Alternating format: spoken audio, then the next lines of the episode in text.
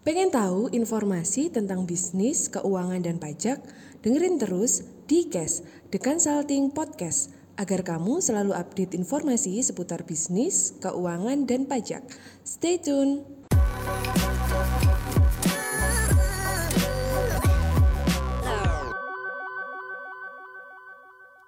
Oke, eh, halo Miss Rosi, gimana kabarnya? Halo, saya baik Pak Lukas. Pak Lukas gimana? Baik, baik, baik, baik, baik. Oke, Miss Rosi, jadi eh, kali ini kita akan bahas seputar tips sukses membangun bisnis kuliner gitu ya. Jadi buat teman-teman yang mungkin lagi punya bidang usaha di seputar bisnis kuliner gitu ya, kalian boleh uh, pantengin terus ya dari awal sampai akhir atau kalian kalau misal ada pertanyaan silakan kalian tulis di kolom komentar gitu ya. Jadi gimana sih membangun bisnis kuliner ya supaya bisa tetap bersaing dan tetap bisa survive ya di di masa-masa yang katanya lagi menuju masa resesi seperti itu ya.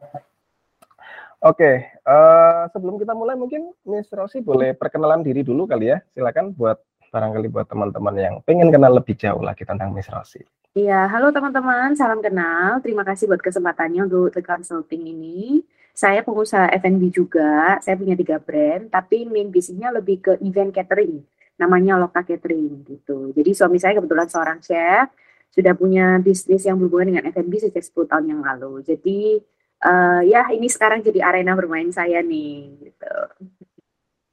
Mantap. Ya buat teman-teman yang mungkin belum tahu, jadi suaminya tadi itu yang disebutkan itu chef Ken ya, dari Master Chef teman-teman ya. Iya. Jadi uh, master banget lah ya di bidang kuliner gitu ya. Oke, Miss Rosi, mungkin di awal hmm, Lukas pengen tahu gimana sih kondisi bisnis kuliner saat ini gitu kali ya. Kan kita sekarang tahu lah ya banyak isu-isu seputar resesi lah segala macam lah itu seberapa besar sih dampaknya buat bisnis kuliner ya di Indonesia ini terutama? Iya, uh, saya track back dulu ya, mas musim pandemi ini untuk uh, event catering seperti kami itu benar-benar mati, apalagi awal-awal yes. kemarin ya event dilarang, orang dilarang berkumpul, jadi benar-benar kita nggak ada uh, event, begitu nggak ada event, otomatis catering juga mati, jujur pada awal pandemi. Hmm. Nah, tapi sekarang masa udah berlalu ya, orang orang-orang juga sudah mulai vaksin semua, event juga sudah mulai diadakan lagi gitu. Jadi kalau topik tentang resesi, resesi ini, resesi dan hubungannya dengan bisnis F&B ini memang lagi hangat sekali dibicarakan. Kemarin saya juga lagi ngomong tentang ini, hubungannya dengan bahan baku yang harganya memang naik gila-gila. Gitu. Jadi kita sebagai pengusaha nomor satu itu kita harus fleksibel dulu ya. Cara fleksibelnya adalah kita harus segera adjust dengan uh, costingan makanan yang baru, HPP kita hitung ulang semua. Lalu hmm. price list itu ada beberapa makanan yang price secara price list itu sudah nggak masuk pak, gitu. Hmm. Beberapa bahan tuh yang harganya benar-benar naiknya itu lonjakannya gila-gilaan. Drastis ya. Hmm. Jadi harganya itu sudah nggak relevan. Padahal di price list itu kita sudah set harga itu dengan spilling kenaikan uh, bahan kira-kira 10 sampai 15 persen. Hmm, Jadi kalau hmm. naik 10 sampai 15 persen tuh kita masih aman nih bisa masih pakai aman. Uh, yang lama gitu.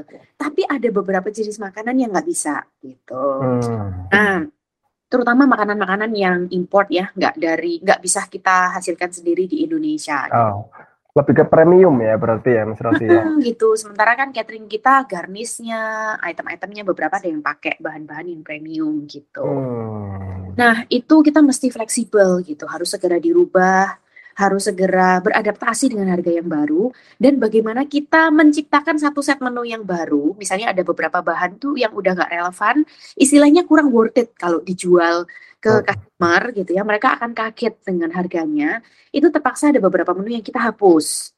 Untuk intinya hmm. itu tim chef kami, chef K juga harus kreatif dan inovatif untuk menciptakan pengganti menu yang nggak kalah menarik dengan harga yang tidak berbeda jauh dengan harga yang sebelumnya. Hmm. Itu satu strategi yang kita terapkan juga supaya kita tidak kehilangan customer juga. Hmm. Karena kita harus tahu bahan-bahan apa nih uh, yang uh, costingannya masih bisa disubsidi silang misalnya kayak gitu. Iya, iya, iya, iya, ya, ya.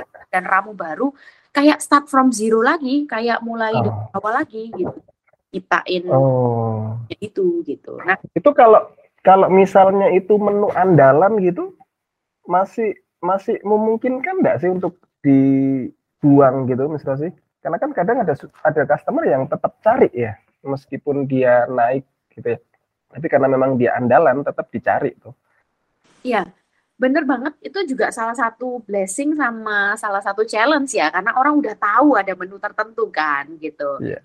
Nah, biasanya uh, memang menu ini kalau memang kita benar-benar mau pertahankan, otomatis kita langsung adjust aja dengan food cost yang baru gitu harganya hmm. sekian gitu tapi sebisa mungkin kita dengan kenaikan harga kita beri value yang lebih misalnya hmm. tambahan saus cocolan misalnya gitu hmm. misalnya menunya let's say roasted duck gitu ya harganya hmm. naik gitu tapi kita tambahin side dish-nya kita tambahin saus cocolan dipping sausnya lalu kita sajikan dengan uh, satu menu carbs tertentu satu menu pendamping tertentu misalnya jadi istilahnya naik harga, ada penambahan menu supaya orang nggak kaget gitu. Hmm, ya ya ya ya ya ya ya ya ya.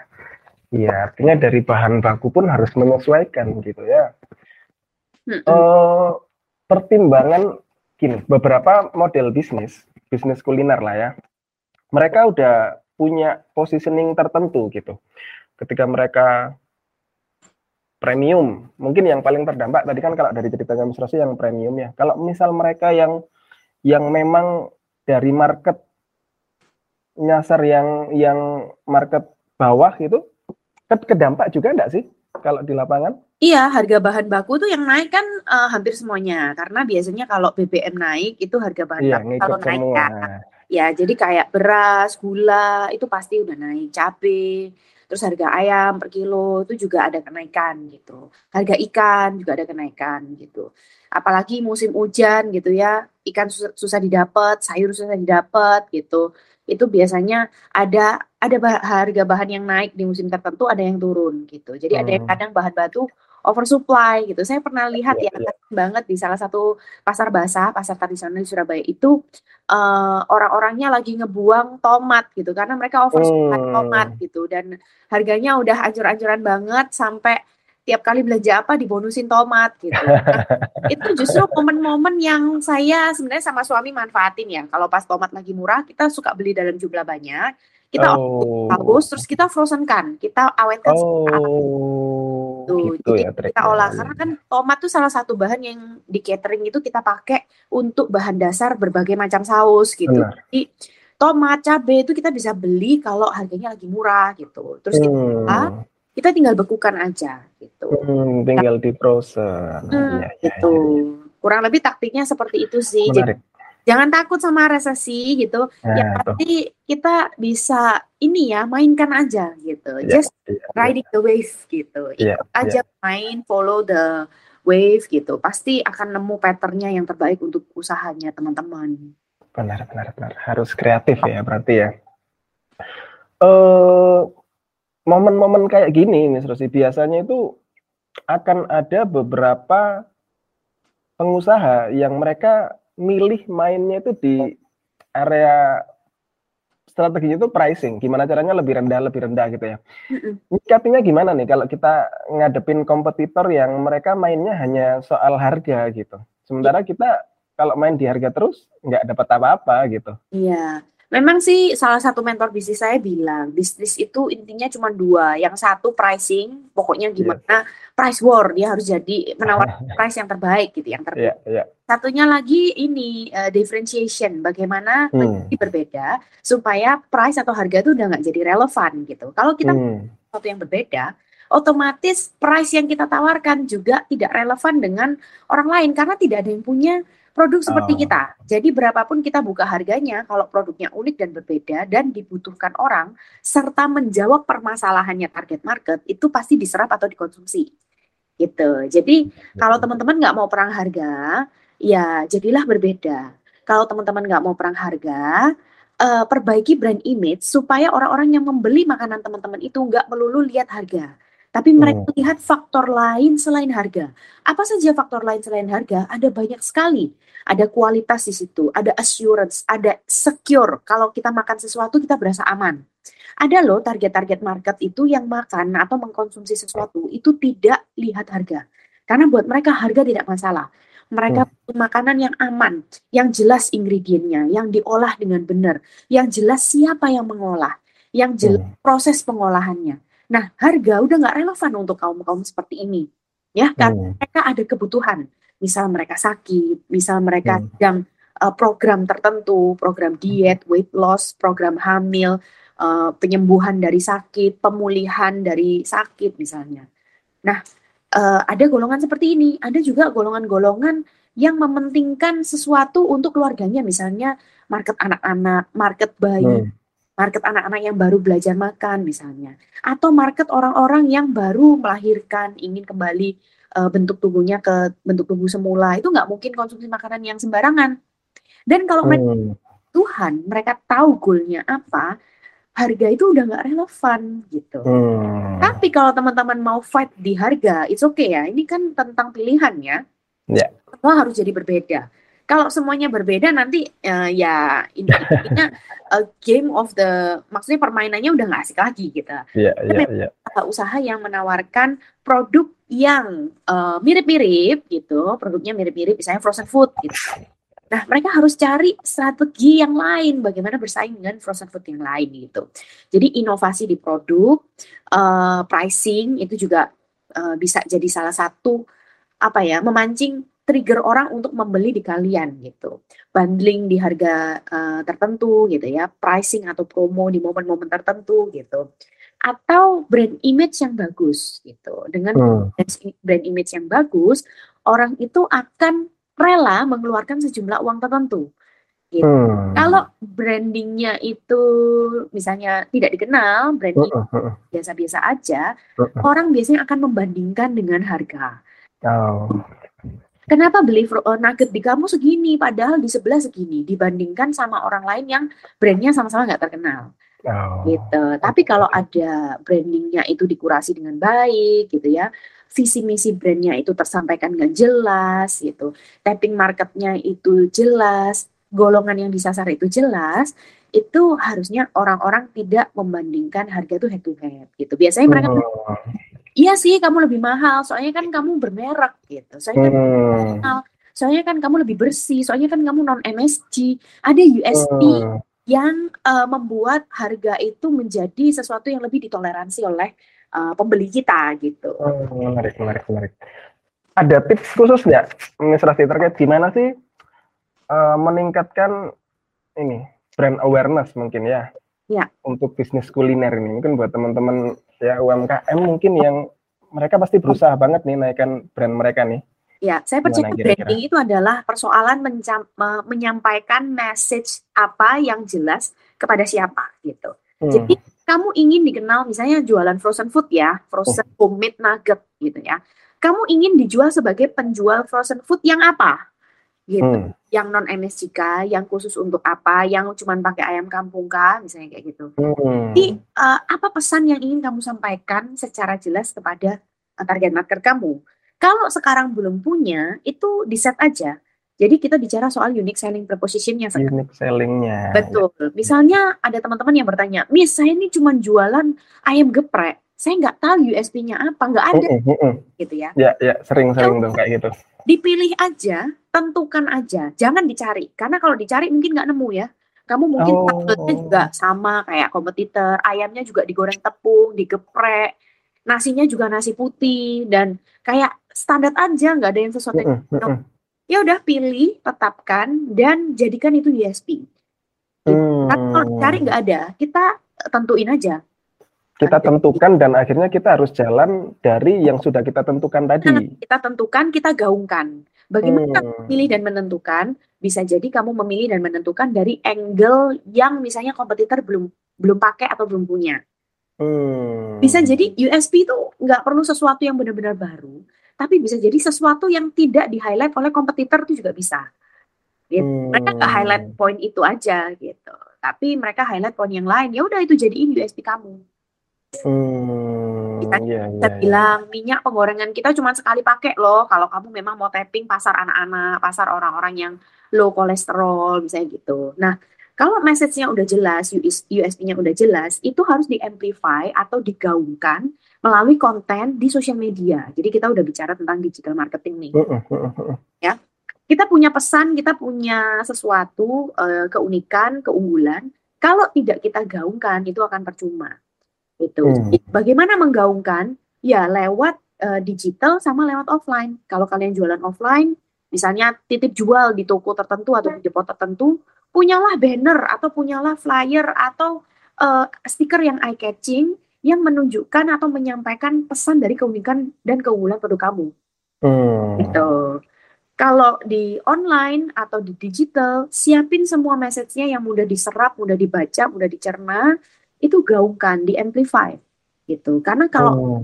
siapa yang tahu kalau kamu punya keunikan itu gitu. Hmm. Ya, ya, ya, menarik, menarik, menarik ya. Jadi teman-teman harus ciptakan unique selling point ya USP ya. Jadi carilah keunikan produk kalian, kemudian itu yang harus jadi eh, apa ya central promo dari dari produknya kalian gitu.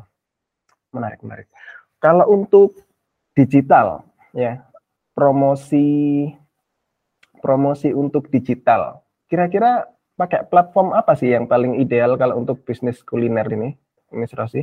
Ya, uh, kalian bisa mulai dengan siapa target market kalian dulu, lalu target market kalian itu main sosial media kebanyakan di apa Hmm, gitu. ya, Kalau ya. target market kalian itu kebanyakan anak TikTok, ya udah bikinlah konten di TikTok gitu. Besarin Hmm, punya rutinin, konsisten di sana. Tapi kalau target market kalian tuh mainnya Instagram, ya udah masukin di situ.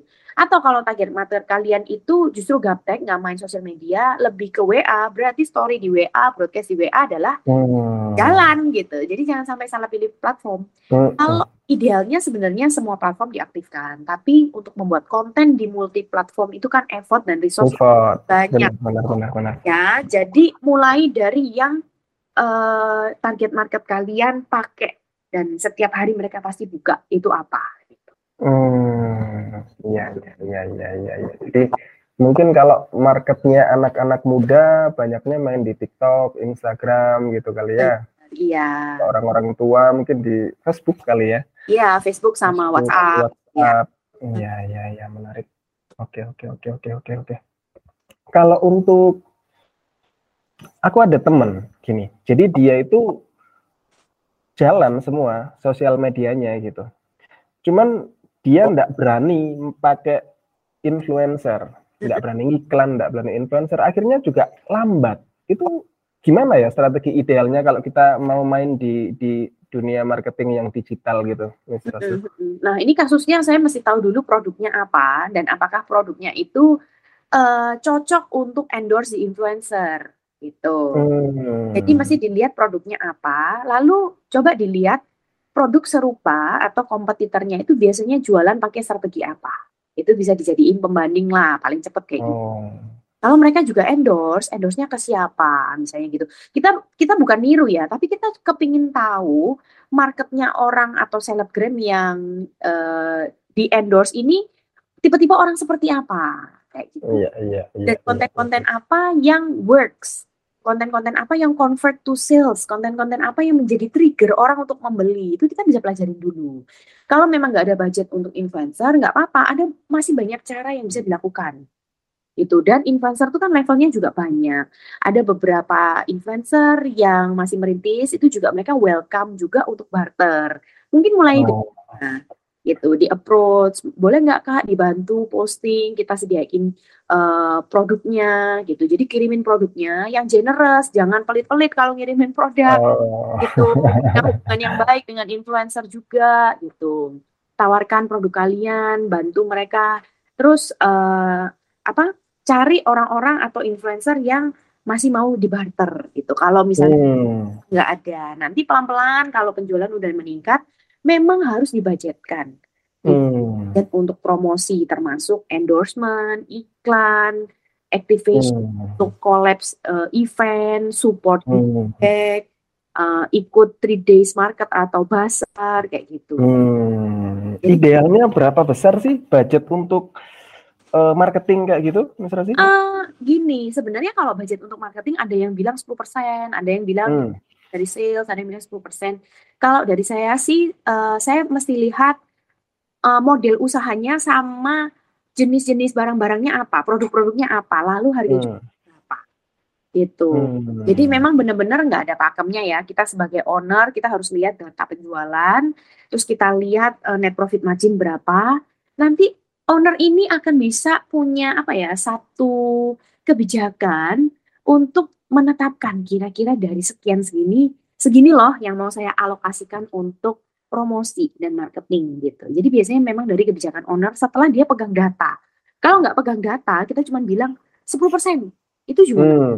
gitu. Jadi yang penting bukan prosentasenya, tapi yang penting kalian pegang data nggak dan kalian tahu nggak uh, eh, HPP kalian tuh berapa dengan revenue yang sekian gitu. Net profit marginnya berapa, gross profit uh, gross profitnya berapa, terus berapa yang mau dialokasikan untuk promosi gitu. Karena ownernya kan tahu dari net profit ini apakah sebagian mau disimpan return earning ya, sebagian mau disimpan untuk pengembangan bisnis uh, atau sebagian mau disimpan untuk langsung menjadi dinikmati oleh owner atau semuanya mau dikembalikan ke bisnis atau semuanya mau dikasih ke marketing benar-benar tergantung kebijakan owner dan tergantung bisnis ini mau dibawa ke mana. How rapid, how fast this business itu mau dikembangkan. Gitu. Jadi nggak ada pakemnya sih. Nggak ada pakemnya ya. Iya, iya, iya, iya, iya, iya. Jadi itu benar-benar dari kebijaksanaan bisnis owner gitu ya. Dia mau Mas, mau ngembangin atau mau ngambil duitnya doang gitu ya. Benar, Iya, iya, iya, iya. Kalau aku penasaran gini gini. Ada ada model owner itu yang sometimes dia benar-benar fokus di marketing. Operasional tapi tidak terlalu oke okay tuh.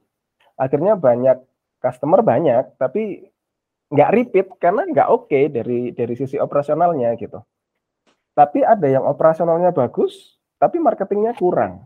Nah, kalau kalau dunia kuliner itu lebih cocok kita dulu kan marketingnya dulu atau operasionalnya dulu ya kira-kira Miss Ros ya? Oke, kalau bisnis kuliner saya, saya selalu uh, firm foundation itu dari produk sama layanan karena itu core hmm. jual. Gitu. Karena kalau kita butuh uh, buru-buru marketing langsung uh, endorse sana sini yeah, ya, yeah. misalnya orderan asumsinya masuk, tapi hmm. tim kita nggak siap gitu yeah. ya nggak siap, tim servisnya nggak mumpuni, itu akan jadi backfire atau bumerang buat tim kita. Jadi kita uh, marketingnya, promosinya itu bertahap aja mengikuti kesiapan kita, gitu. Hmm. Siap uh, take order berapa banyak sih, gitu. Baru kalau udah siap, ordernya belum sesuai dengan harapan, promosi gitu ya. Tapi kalau misalnya masih sesuai dengan harapan, masih masih belum bisa sanggup menambah kapasitas, mungkin dana, dana promosinya bisa dialokasikan untuk pengembangan operasional dulu, untuk training sumber daya manusia, pembelian alat, misalnya seperti itu. Ini saya bicara hmm. tentang satu bisnis yang masih merintis ya, yang yeah, yeah, yeah. sih harus uh, benar-benar kita pikirkan bulan ini alokasinya ke mana. Yeah, yeah, yeah, Kalau yeah. modalnya udah banyak ya udah jalan paralel aja bersamaan gitu ya. Gampang hmm. aja ngomong kalau misalnya uh, modal atau budgetnya tuh ada. Tapi kalau budgetnya belum ada, kita kan mesti pintar-pintar ngelola. Gitu. Benar, benar, Jangan benar. sampai intinya kalau kita udah promosi, customer udah beli, terus mereka kecewa. Kan kita siapin foundation yang kuat, produk layanan yang harus bagus dulu. Kita punya benar-benar SOP untuk handling komplain, SOP untuk memproduksi makanan, SOP pengiriman makanan. Kalau kalian makanannya itu dikirim lewat kurir gitu ya. Jangan dalam tanda kutip saya saya ini belajar untuk ini loh. Learn to say stop di satu titik yang mana kita udah nggak bisa handle. Itu contoh hmm. tahun lalu ya, karena kan kita juga jualan hampers untuk hari-hari besar, untuk Natal, hmm. hmm, hmm. baru untuk Lebaran kita jual. Gitu. Orderan masuk banyak banget. Saya sebagai orang sales itu kepengen masukin semua. Itu semua pengen saya terima gitu ya karena kan ini revenue gitu ya. Iya iya iya iya. Ya. Hal tim dapur suami saya chef Ken tuh udah bilang kita stop di titik ini ya gitu ya saya bilang ini udah masuk nih masa kamu hmm. apakah nggak bisa dibikinkan ini ini saya berusaha toleransi di produk saya sendiri gitu hmm. benar-benar chef kan pada saat itu tuh firm bilang nggak bisa saya nggak mau hmm. bikin produk lain dengan uh, kualitas yang di bawah ini aku nggak mau gitu karena hmm. kalau kamu say yes untuk ini orang kecewa dia nggak akan repeat justru kamu hmm. say no untuk ngomong sama orang lain sorry kamu telat pesennya kita udah overload nggak ada lagi buat kamu jadi next hmm. juga akan appreciate pesen di kita lebih awal mereka juga akan timbul persepsi bahwa iya ya mereka ini rame banget sampai aku ordernya ditolakin gitu hmm. jadi sebenarnya nolakin order itu bukan selalu kita rugi gitu bukan selalu hmm. opportunity loss tapi memang kita tahu diri di batas itu gitu kita tahu kapasitas kita kita nggak mau meresikokan kualitas sehingga bikin customer tuh punya potensi untuk kecewa nah itu yang saya harus saya pelajari karena saya hmm. Orang yang sales banget yang uh banget gitu. Sementara chef kan orang operasional, orang production yang tahu kapasitas gitu. Karena kan hampers kita itu uh, membutuhkan oven gitu ya. Dia udah hitung nih, oven ini sekian deck, sekali masuk itu berapa hampers, terus dia tuh butuh ngebakar, ngebake di oven itu sekian menit. Jadi uh itu pun udah jalan hampir 24 jam, kapasitas uh masih nggak mumpuni. Betul, dan nggak worth it untuk nambah oven hanya untuk uh, jualan hampers di satu aja. ini gitu. Jadi dia bilang stop di titik-titik ini aku udah nggak bisa gitu. Jadi ya hmm. kita mesti koordinasi nih tim sales marketing sama tim produksi operasional harus koordinasi gitu. Hmm, ya ya ya, ya. menarik menarik. Butuh strategi bisnis yang ideal untuk bisa mengembangkan usaha dengan lebih luar biasa? Dapatkan video series People, System, Finance dengan kunjungi www.deconsulting.id slash video series. Uh, Lukas tadi sempat highlight masalah nyiapin SOP handling customer lah, SOP A, SOP B, dan kawan-kawan. Uh, untuk mempersiapkan satu operation bisnis kuliner yang proper gitu ya, yang baik gitu ya, apa aja sebenarnya misalnya yang yang yang teman-teman pebisnis ini harus siapin di awal sih gitu? Kalau dari saya, teman-teman kalau mulai bisnis biasanya kan mulai dulu gitu ya. It's okay. Yeah, yeah. Dengan mulai dulu, teman-teman itu nomor satu harus punya sisi refleksi sama evaluasi. Apa kesalahan atau masalah yang berulang terjadi? Misalnya hmm. nih kita jualan, saya kan juga punya usaha kimchi. Masalah hmm. sering sekali terjadi itu kimchi itu kan produk fermentasi. Jadi pada saat pengiriman kimchi ini masih uh, masih ada proses fermentasi di dalam kemasan. Jadi proses fermentasi kan menghasilkan gas. Jadi kemasannya menggembung. Kalau pergi uh, kalau dikirim lewat logistik biasa, biasanya kan agak dilempar gitu ya. itu biasanya yeah. kimchinya dalam kemasan itu udah uh, ini meledak. Jadi kemasannya udah pecah karena ada dalam dan dia kena tekanan. Dan itu berulang terjadi. Hmm. Akhirnya kita menemukan pola bahwa oke, okay, ini masalah harus segera di, dicari solusinya nih. Karena hmm. kita kalau kita selalu ganti produk ke customer yang kemasannya pecah, kita bisa rugi karena okay. kita kirim produk baru dan ongkos kirimnya tuh kita yang tanggung. Hmm. Tuh, kadang mak lebih mahal ongkirnya loh daripada produknya loh. Mas banget kan gitu loh. Karena ini satu pak cuman kita jual 22.500 atau 25.000 gitu sekitar hmm. gitu. Nah, dari masalah yang muncul berulang, berarti teman-teman tahu area itu di titik bisnis proses itu itu membutuhkan inovasi, membutuhkan solusi, membutuhkan SOP atau penanganan yang lebih bagus. Tergantung masalahnya apa. Ya, ada yang bisa diselesaikan dengan membuat SOP uh, eh, yang baku. Hmm. Ada diselesaikan dengan berinovasi.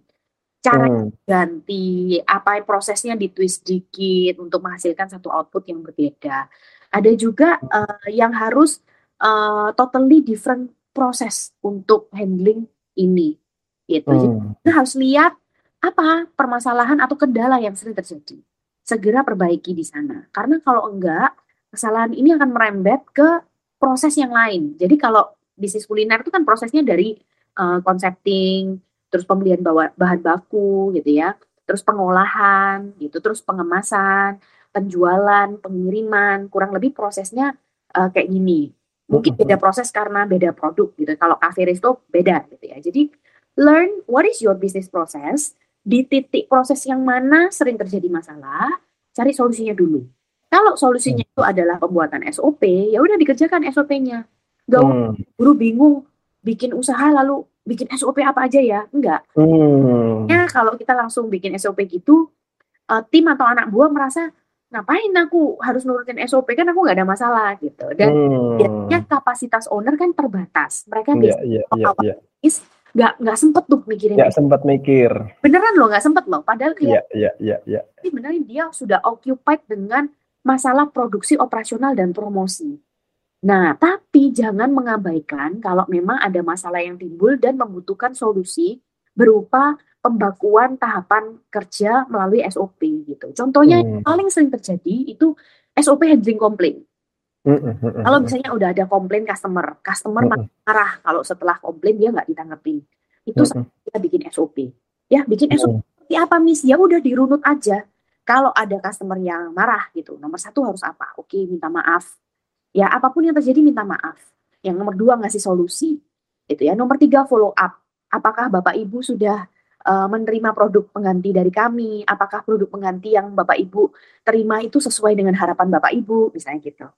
Nomor berikutnya misalnya uh, berjanji, berjanji apa uh, Bapak Ibu kami berjanji semoga kesalahan yang ini tidak akan terulang di kemudian hari.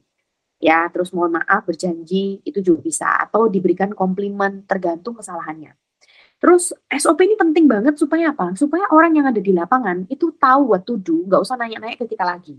Misalnya hmm. kalau kesalahannya A, itu nggak perlu ngasih komplimen. Kalau kesalahannya udah B, naik kelas nih dari A, itu harus memberikan komplimen dan mengganti hmm. kayak gitu. Selain hmm. ganti, itu harus memberikan komplimen. C misalnya barang diganti ngasih komplimen ngasih ganti rugi apa misalnya ngasih hmm. Nah itu case-case apa yang uh, harus uh, memberikan komplimen komplimen apa gitu? Karena orang hmm. kadang nggak tahu Iya, iya, iya, iya, benar, benar, benar. Kita cuma minta maaf, pelanggan itu akan malah bete karena sebenarnya hmm. nggak cuma butuh maaf, dia butuh solusi cepat dari kita karena iya, iya, iya.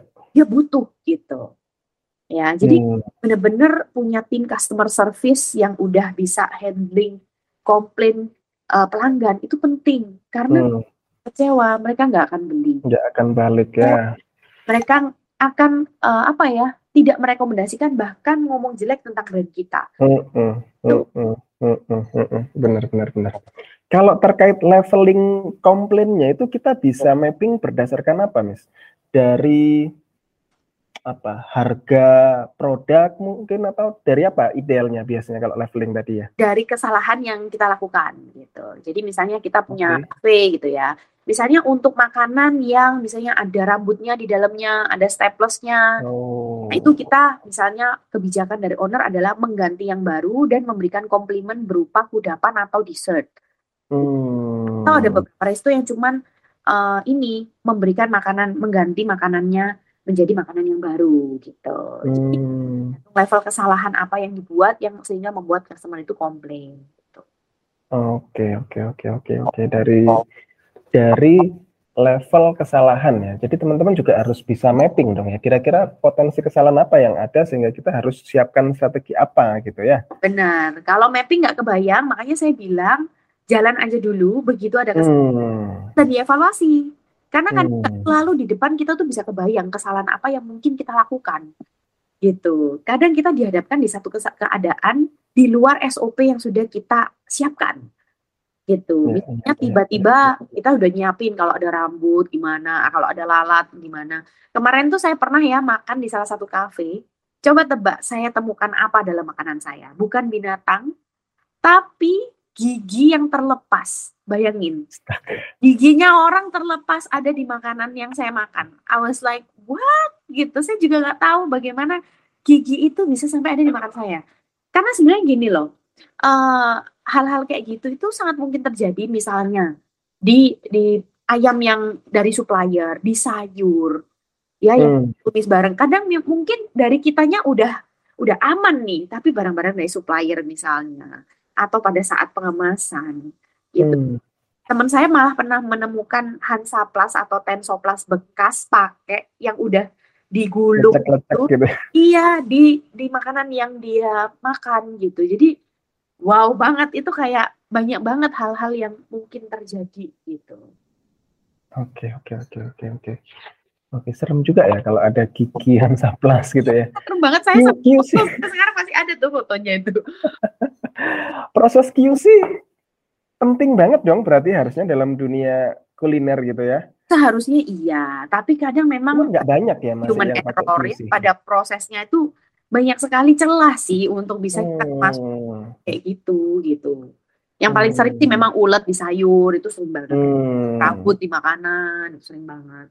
Sebenarnya itu juga bisa dicegah gitu. Misalnya pakai hairnet kalau di dapur semua harus pakai hairnet gitu. Hmm. Terus kalau uh, apa sayur yang berulat itu pencuciannya harus dibuat misalnya dua atau tiga kali gitu. Ada SOP pencucian berulang. Pakai satu uh, apa cairan pembersih sayur yang memang food grade misalnya gitu. Hmm, ya, ya, ya, ya, ya, ya, ya. Cuman bisa diminimalisa, dimini, diminimalisir. Ya, minim, minimalisir. Cuman kadang masih mungkin untuk terjadi. Mungkin terjadi ya. Makanya penting buat teman-teman semua siapin tuh ya prosedur terkait handling komplain customer. Ya. Oke, oke, oke, oke, menarik, menarik. Terus fenomenanya bisnis kuliner yang cukup menarik perhatian saya itu nggak tahu kenapa beberapa brand bisnis kuliner itu cepet banget mereka bikin cabang gitu. Tiba-tiba ada sekian puluh cabang, sekian ratus cabang gitu ya. Itu gimana sih sebenarnya strategi bisa secepat itu gitu dan itu bagus nggak sih sebenarnya kalau cepat banget kayak gitu? Iya, di awal itu berarti udah jadi bisnis model mereka. Kalau mereka tuh kejar growth kejar number, kejar number of outlet. Untuk apa? Mungkin untuk dijual sebagai portfolio franchise atau hmm. mungkin untuk di uh, ini di growth-nya dijual sebagai ini nanti dijual ke investor sebagai sebuah startup yang growth-nya tinggi. Karena kalau startup hmm. untuk dapat pendanaan itu investor kan melihat growth-nya berapa persen nih. Kalau dari satu outlet, growth-nya ke outlet berikutnya, ke outlet ke 100 tuh berapa lama? Gitu. Jadi hmm. itu akan menentukan pendanaan yang diterima dan bisnis kuliner ini salah satu yang paling mudah untuk di apa ya kembangannya itu paling mudah karena buka outlet itu dinilai sebagai satu growth. Hmm. Kalau bukan makanan misalnya kita buka logistik itu kan agak ribet ya untuk hmm, hmm, hmm, hmm. ya. Nah kalau makanan itu kan cepat sebenarnya. Makanya banyak orang-orang yang mungkin ingin mendapatkan pendanaan atau memang bisnis modelnya seperti itu. Jadi kalau dibilang bagus atau enggak, I cannot tell karena memang itu sudah jadi rancangan strategi mereka. Mereka harus buka gitu. Dan dana yang disiapkan di awal itu memang untuk buka cabang. Hmm. Gitu. Memang udah disiapin tuh untuk di depan 6 bulan pertama harus buka 30 outlet. Hmm. Karena uh, outlet ketiga satu itu harus mulai dijual ke orang gitu karena hmm. franchise biasanya kan pembeli franchise nanya udah berapa nih berapa banyak mau nggak Pak Lukas beli franchise kalau uh, outlet yang dibuka baru enam selama dua hmm, tahun Hmm, ya, kan, juga kalau ya. ya loh, ini berarti nggak berkembang gitu. Iya, iya, iya. Nah, tapi iya, kalau iya. teman-teman mau beli franchise, berarti harus nanya selain berapa outlet, revenue per outlet berapa gitu buka 30 tutup berapa gitu. Buka hmm. berapa tutupnya berapa mesti dilihat udah buka berapa lama gitu. Jadi jangan cuma tergiur sama numbers tapi mesti tahu juga uh, banyak hal atau faktor lain yang harus dipertimbangkan gitu. Hmm, menarik, menarik, menarik. Kalau bisnis kuliner sendiri lebih lebih prefer kita build sendiri atau kita beli franchise nih? Mm-mm. Tergantung konsep, tergantung kebutuhan, tergantung resource, tergantung kondisi kita, tergantung bisnis ini mau dibawa ke mana. Jadi nggak ada yang salah, bisa hmm. sendiri, bisa uh, franchise. Kalau teman-teman memang passionnya di situ di area masak, suka R&D, bisa develop program, uh, produk, punya satu signature dish yang bisa dijual, kalian mungkin bisa mempertimbangkan untuk buka sendiri, pakai brand sendiri gitu ya.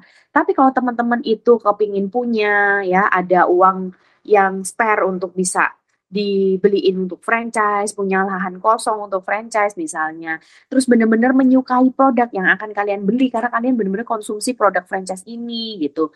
Ya mungkin franchise cocok untuk kalian gitu. Kalian nggak hmm. mau ribet mikirin sistem, itu franchise. Hmm. Tapi kalau untuk beberapa orang yang idealis, punya produk sendiri, mungkin para chef itu ya, itu biasanya mereka prefer untuk buka sendiri. Gitu. Sendiri. Punya resource nggak untuk buka sendiri? Kalau punya resource untuk buka sendiri, biasanya orang-orang buka sendiri. Lebih prefer buka sendiri. Iya, iya, iya, iya. Ya.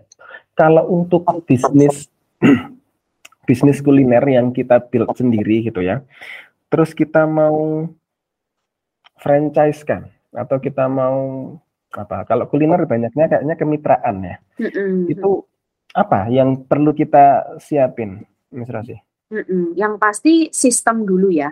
Sistem itu juga menyangkut SOP. Sistem itu kita anggapannya kalau bisnis ini diduplikasi, ada orang yang sama sekali nggak mengerti, tapi dia bisa running the business. Jadi mm. itu uh, harus dari sistem yang kuat. Uh, sistemnya apa aja? Otomatis ya SOP, ya semuanya uh, tersistem, tersis, uh, tersistem gitu. Jadi harus punya misalnya as simple as standard purchase specification. Jadi bahan baku hmm. dibeli itu punya uh, standar standarisasi.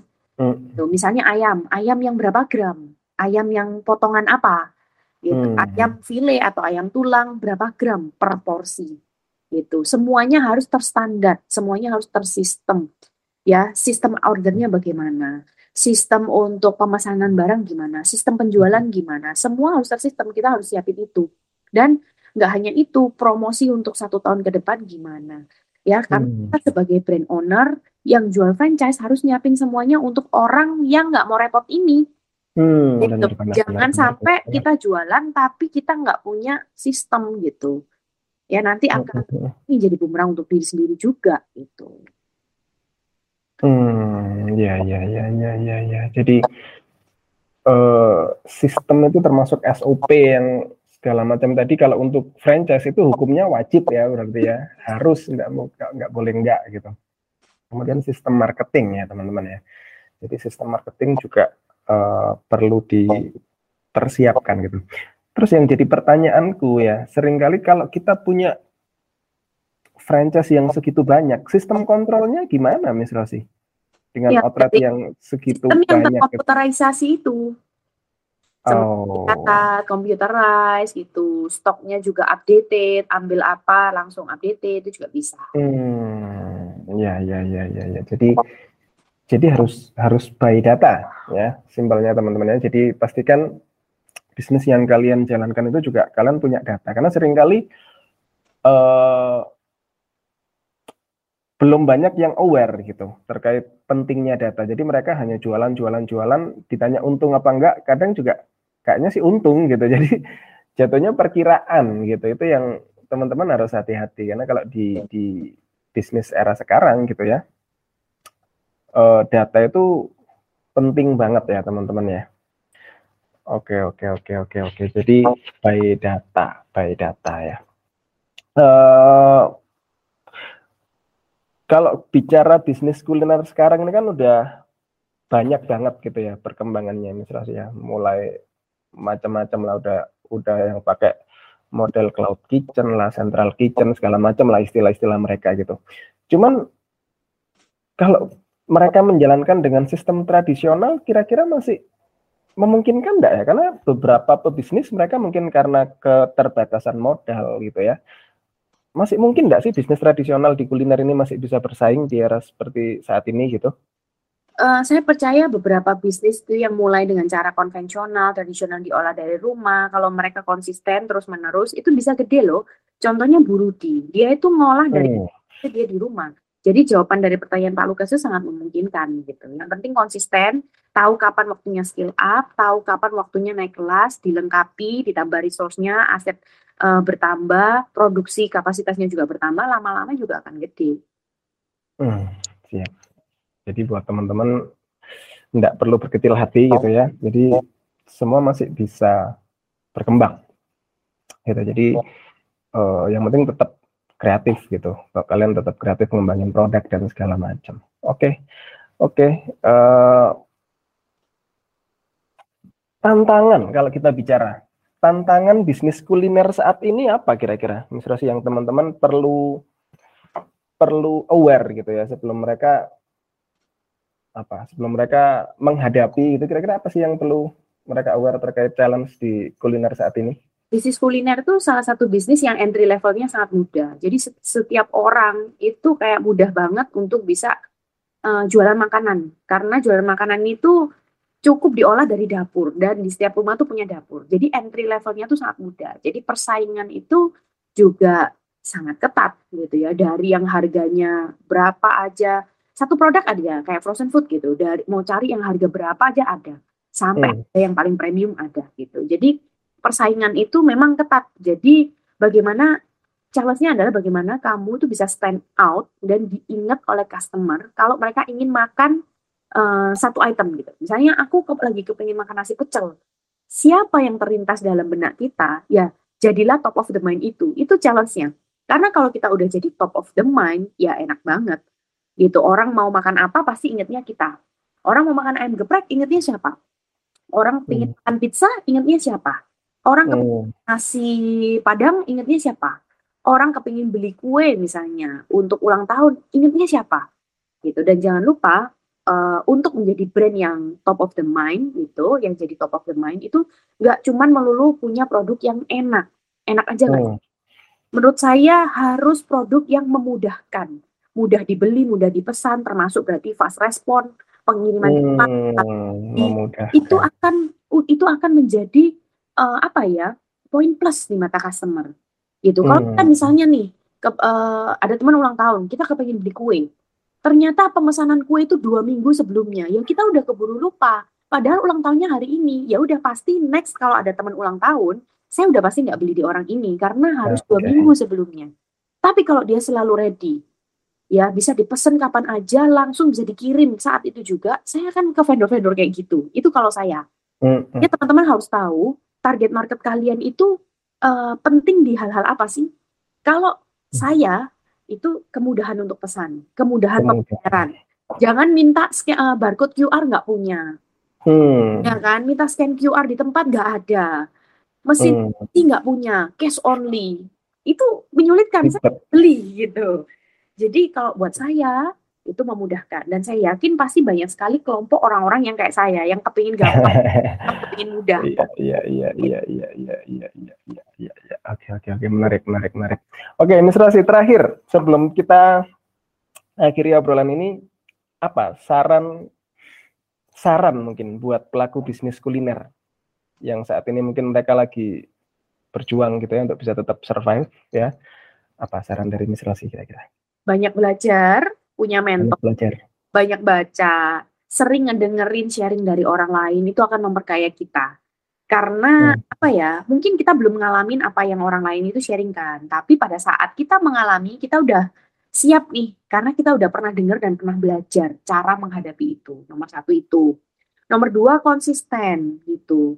Gak ada bisnis yang berhasil yang dibangun dalam satu malam loh. Hmm. Walaupun uh, bisnisnya modalnya gede gitu, punya privilege gitu ya, dibangun oleh orang yang terkenal, tetap dia harus follow the process, konsisten, setia sama prosesnya, dan bis, supaya bisa evaluasi dan mengukur hasilnya. Gitu. Hmm. Jadi nomor dua, setia berproses sama konsisten. Apa pun hmm. itu, berapapun uh, kecilnya skup bisnis kalian, konsisten aja. Nomor hmm. itu tadi banyak belajar, nomor dua konsisten. Nomor tiga itu punya mindset yang open mind. Hmm. Gitu, ya. Terus mau mau mendengarkan kritik dari terutama dari target market kamu sendiri. Hmm. Jangan merasa produkmu udah paling bagus, paling enak. Kan sering nih kita dengar orang-orang ngomong gini, padahal produkku ini enak loh. Oh, oh ya kok nggak laku ini loh enak.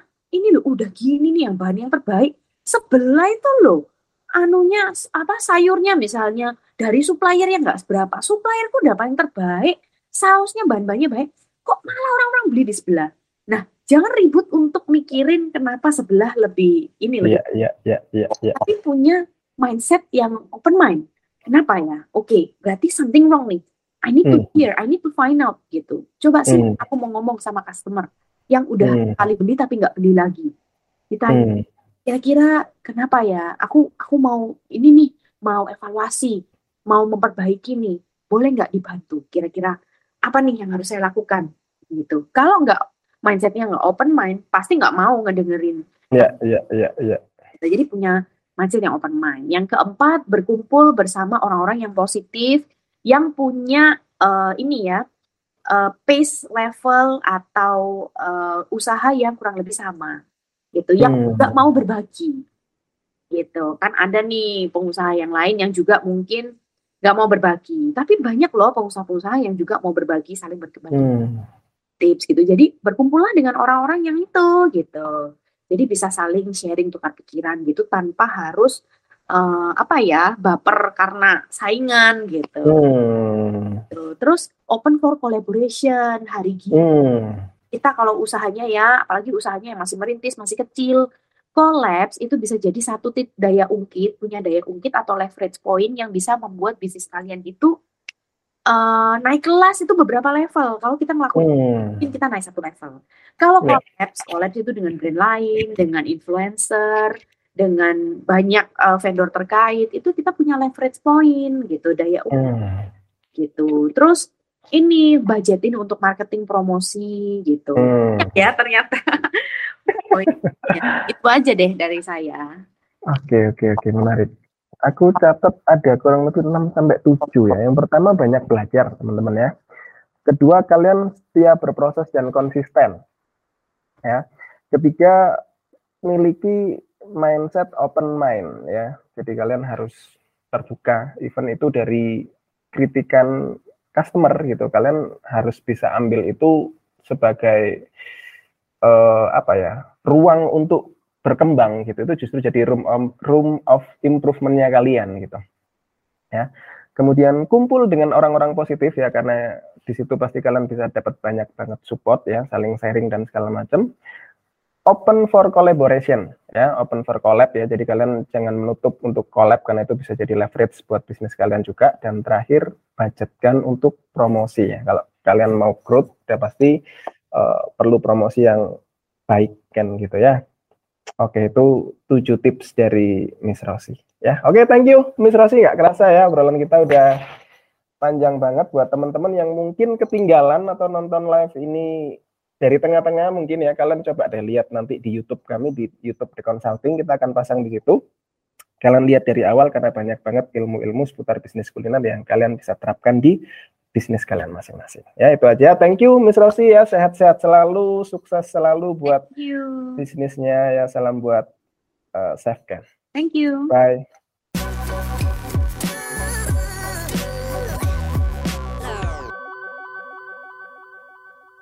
Terima kasih sudah mendengarkan Tikes. Sampai jumpa di episode berikutnya ya.